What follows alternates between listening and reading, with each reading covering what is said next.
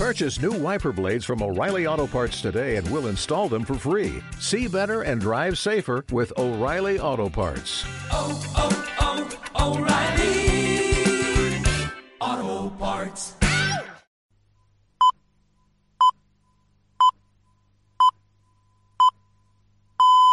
Són dos quarts de quatre i això és l'hora del cigaló.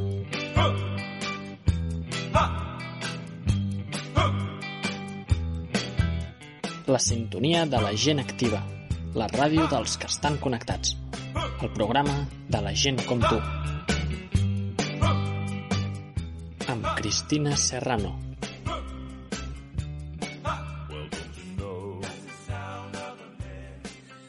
Bona tarda, benvinguts i benvingudes a l'Hora del Cigaló.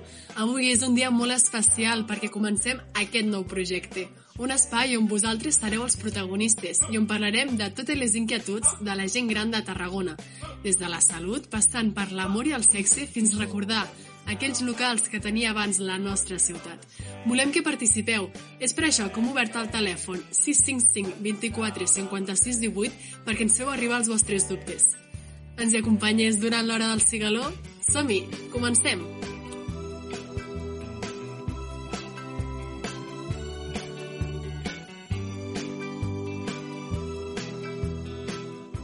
I el programa d'avui ve farcit de temes molt interessants. Dedicarem la secció dels nostres petits plaers a parlar del sexe en la tercera edat. Per fer-ho, comptarem amb la Sònia Navarro, psicòloga experta en sexologia. Aquí també podreu adreçar totes les preguntes que tingueu. La secció de saludables parlarem de la nostra salut, com no pot ser d'altra manera, marcada pel Covid-19, i comentarem les últimes novetats. A més, voldrem saber com esteu passant aquest llarg confinament, així que ens podeu fer arribar les vostres inquietuds al nostre telèfon. Però aquí no acaba tot, perquè al final del programa ens passejarem pels carrers de la ciutat, a la secció La Tarragona d'abans, amb l'Òscar Lescort, i descobrirem què hi va haver dins d'aquells locals que van iniciar els seus negocis fa desenes d'anys.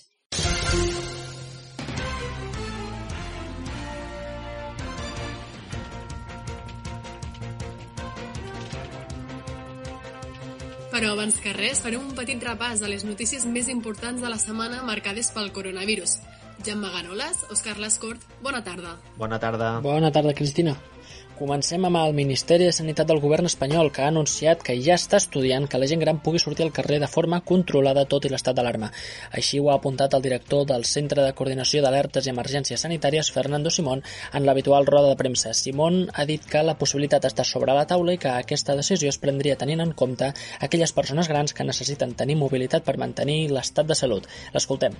Al igual que los niños necesitan salir, las personas mayores tienen que, que, eh, tener movilidad para mantener su estado de salud adecuado, tienen que estar, eh, pues, tienen que plantearse como posibles grupos para poder eh, ejercitarse. Això es dona pocs dies després que el president del govern espanyol, Pedro Sánchez, anunciés que els menors d'edat podrien començar a sortir de les llars a partir del 27 d'abril sempre en companyia d'un sol adult. La Generalitat de Catalunya limitarà els preus als enterraments mentre duri l'estat d'alarma.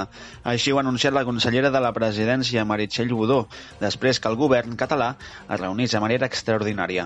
En aquesta reunió, segons ha informat Budó, s'ha aprovat un decret amb noves mesures que agilitzen els comiats dels difunts, garanteixen els drets de les famílies i eviten els abusos de les funeràries.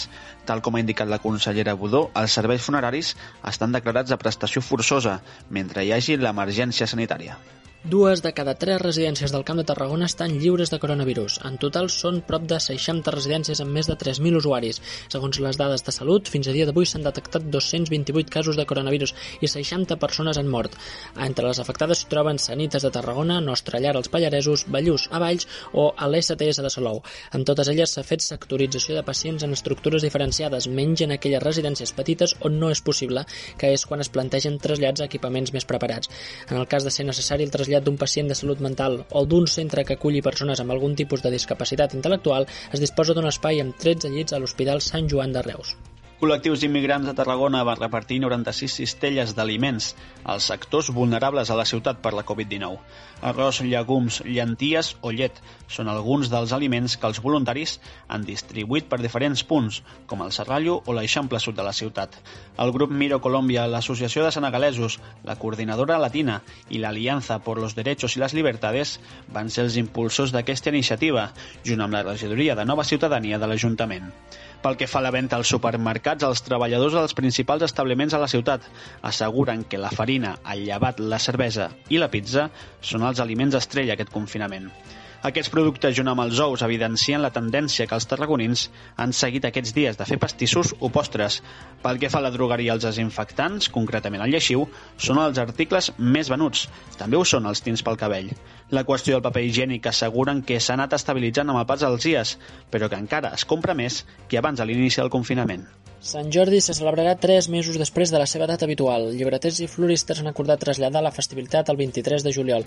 Serà en ple estiu, però abans del mes fort de les vacances, l'agost, tal com reclamaven els llibreters per intentar salvar la caiguda de vendes pel confinament, que ha arribat en el pitjor moment pel sector. Aquesta alternativa per recuperar les vendes ha estat ben rebuda per part del Gremi de Llibreters de Tarragona. Així ens ho ha explicat el llibreter de la Capona, Pitu Rovira. Estem entre l'incertesa i l'esperança. No sabem exactament també com, com, com anirà el dia 23 de, de, de juliol. Tenim que pensar que Sant Jordi, quan, quan el fem amb normalitat, no és tan sols el dia 23, sinó que hi ha una sèrie d'activitats el 22 i el 21. Però mentre dura el confinament, els llibreters de la ciutat segueixen promovent la venda de llibres per internet. Mire, soy Bernabé Barragán, el portero del Nazi de Tarragona. Le llamo, le llamo en nombre de mis compañeros, de, de todo el equipo y también de nuestro presidente José María Andreu. Era solamente para preocuparnos por su estado de salud y de su entorno y saber que todo estaba bien. És Bernabé Barragán, el guardià de la porteria del Nàstic i un dels quatre capitans de l'equip. És possible que alguns dels que ens esteu escoltant hagueu rebut una trucada similar a aquesta durant el confinament. I és que els jugadors i el cos tècnic de la primera plantilla del Nàstic han trucat als socis majors de 65 anys per preguntar com es troben. Es tracta d'una iniciativa pionera i un gest del club cap als seus socis més fidels i veterans. Un total de 800 aficionats gran han rebut la trucada telefònica dels integrants del primer equip de futbol que s'han interessat per la situació dels seus seguidors durant aquestes setmanes de confinament. El Nàstic manté així el contacte entre la plantilla i la massa social del club, reforçant així la comunió entre totes dues parts lluny del nou estadi. Un retrobament entre jugadors i afició que no es preveu que sigui fins a la temporada vinent. I fet el repàs de les notícies, aprofitem per anar un moment a publicitat. No desconnectis, que a la tornada venim amb més informació. Diuen que una tercera part de la nostra vida ens la passem dormint. Però ets dels que a les nits no descanses bé i et despertes amb malestar? Arriben els matalassos Picolín, amb la tecnologia i confort dels matalassos Vultix. Un matalàs que s'adapta perfectament al teu cos i garanteix un perfecte suport a la columna vertebral. Truca al 655 39 38 39 i te'l portem a casa. A més, podràs pagar-lo en 12 mesos sense interessos. Recorda, 655 39 38 39. Encara que estiguis dormint, no abaixis la guàrdia.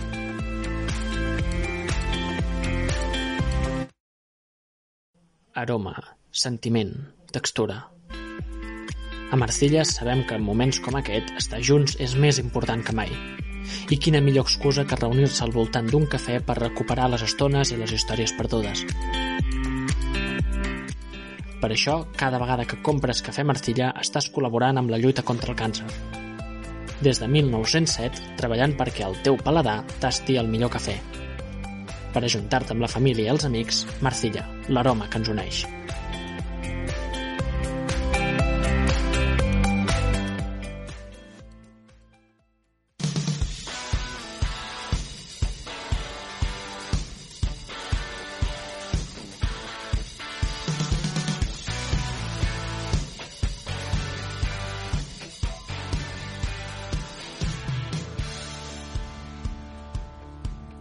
Tornem a l'hora del cigaló amb la tertúlia de salut i donant també la benvinguda a la Mercè Casas. La secció de salut està marcada pel moment actual i tan extraordinari que estem vivint, la pandèmia del Covid-19. De moment hem superat els 200.000 contagiats a Espanya i tot i que ja estem en fase d'estabilització, el nombre de morts s'eleva cada dia més.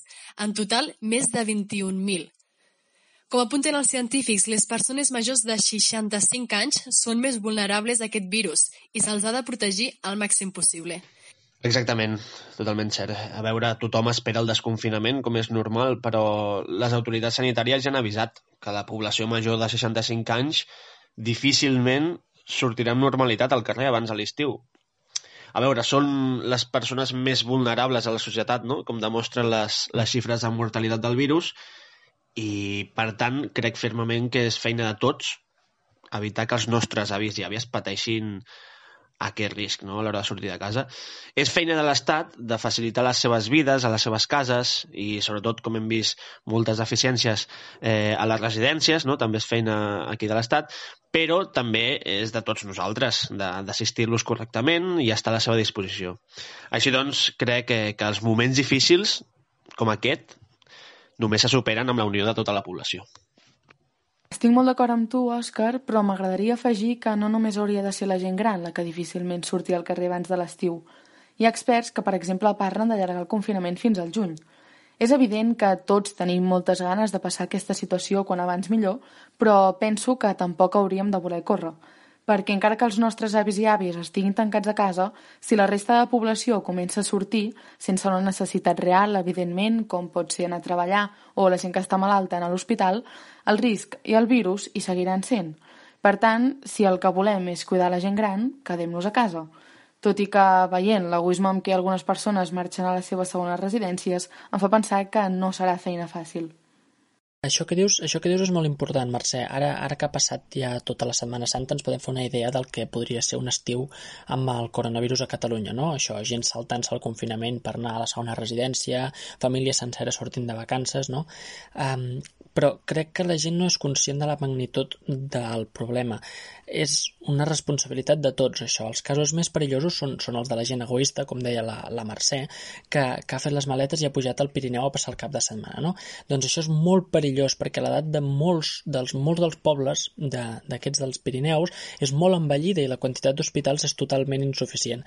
Per, per tot això, crec que ja ho dèieu molt ben dit al principi, cal esperar el que calgui per, per anar obrint el confinament, clar. Sí, és cert, i com bé apuntàveu, sortiran els últims, però clar, perquè és una mesura per garantir la seva seguretat. Ara passem a escoltar l'àudio que ens ha enviat el José Luis, on ens comenta com viu ell el confinament i ens mostra les seves preocupacions que li genera aquesta situació. Tanto que, y tanto que me preocupa. Ahora bien, no ya por mí, sino por la gente que vive a mi alrededor y, en fin, por todo el mundo en general ala, como soy optimista, pues pienso que a mí no me puede tocar y resulta que me puede tocar. Pero en fin, mmm, aquí estoy en casa tranquilo, ¿eh? leyendo, viendo la tele y, y esperando que todo acabe bien. Va a acabar bien lo primero que es la vida de todos y acabará bien lo segundo que serán los problemas económicos que va a generar todo esto. Li donem les gràcies al José Luis per explicar-nos la seva experiència i recordem que tenim el telèfon obert al 655 24 56 18 per, per tots aquells que ens vulguin fer arribar les seves opinions. Un missatge de José Luis que ens convida a l'optimisme i tot i això, com ell diu, haurem de veure com es recupera l'economia del país. Sí, sí, sí. Molta és la gent gran que es mostra preocupada pel futur econòmic de, del país. És cert que la prioritat és la salut de tots nosaltres, no? però les crisis econòmiques, com va demostrar la del 2008, també afecta la salut de la població, més enllà de les retallades que hem vist en aquest país eh, sobre la sanitat. No?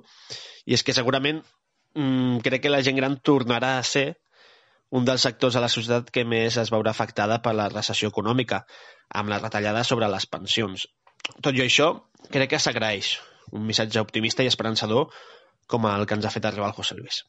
Doncs sí, s'agraeix, perquè la veritat és que enmig de tanta preocupació i incertesa, una mica d'optimisme no va malament. I una altra cosa que m'agradaria destacar del que ha dit el José Luis és el respecte que ell mostrava cap al virus, perquè sembla que hi ha gent que li ha perdut la por i es refugien en allò tan típic de no, si és que a mi això no m'afectarà o a mi això no em passarà fins que passa. I és així, amb prudència, com millor el podem combatre, jo penso. Per tant, convido a que tothom hi reflexioni una mica i ja no només per un mateix, sinó, com deia el José Luis, per tots i totes aquelles que ens envolten.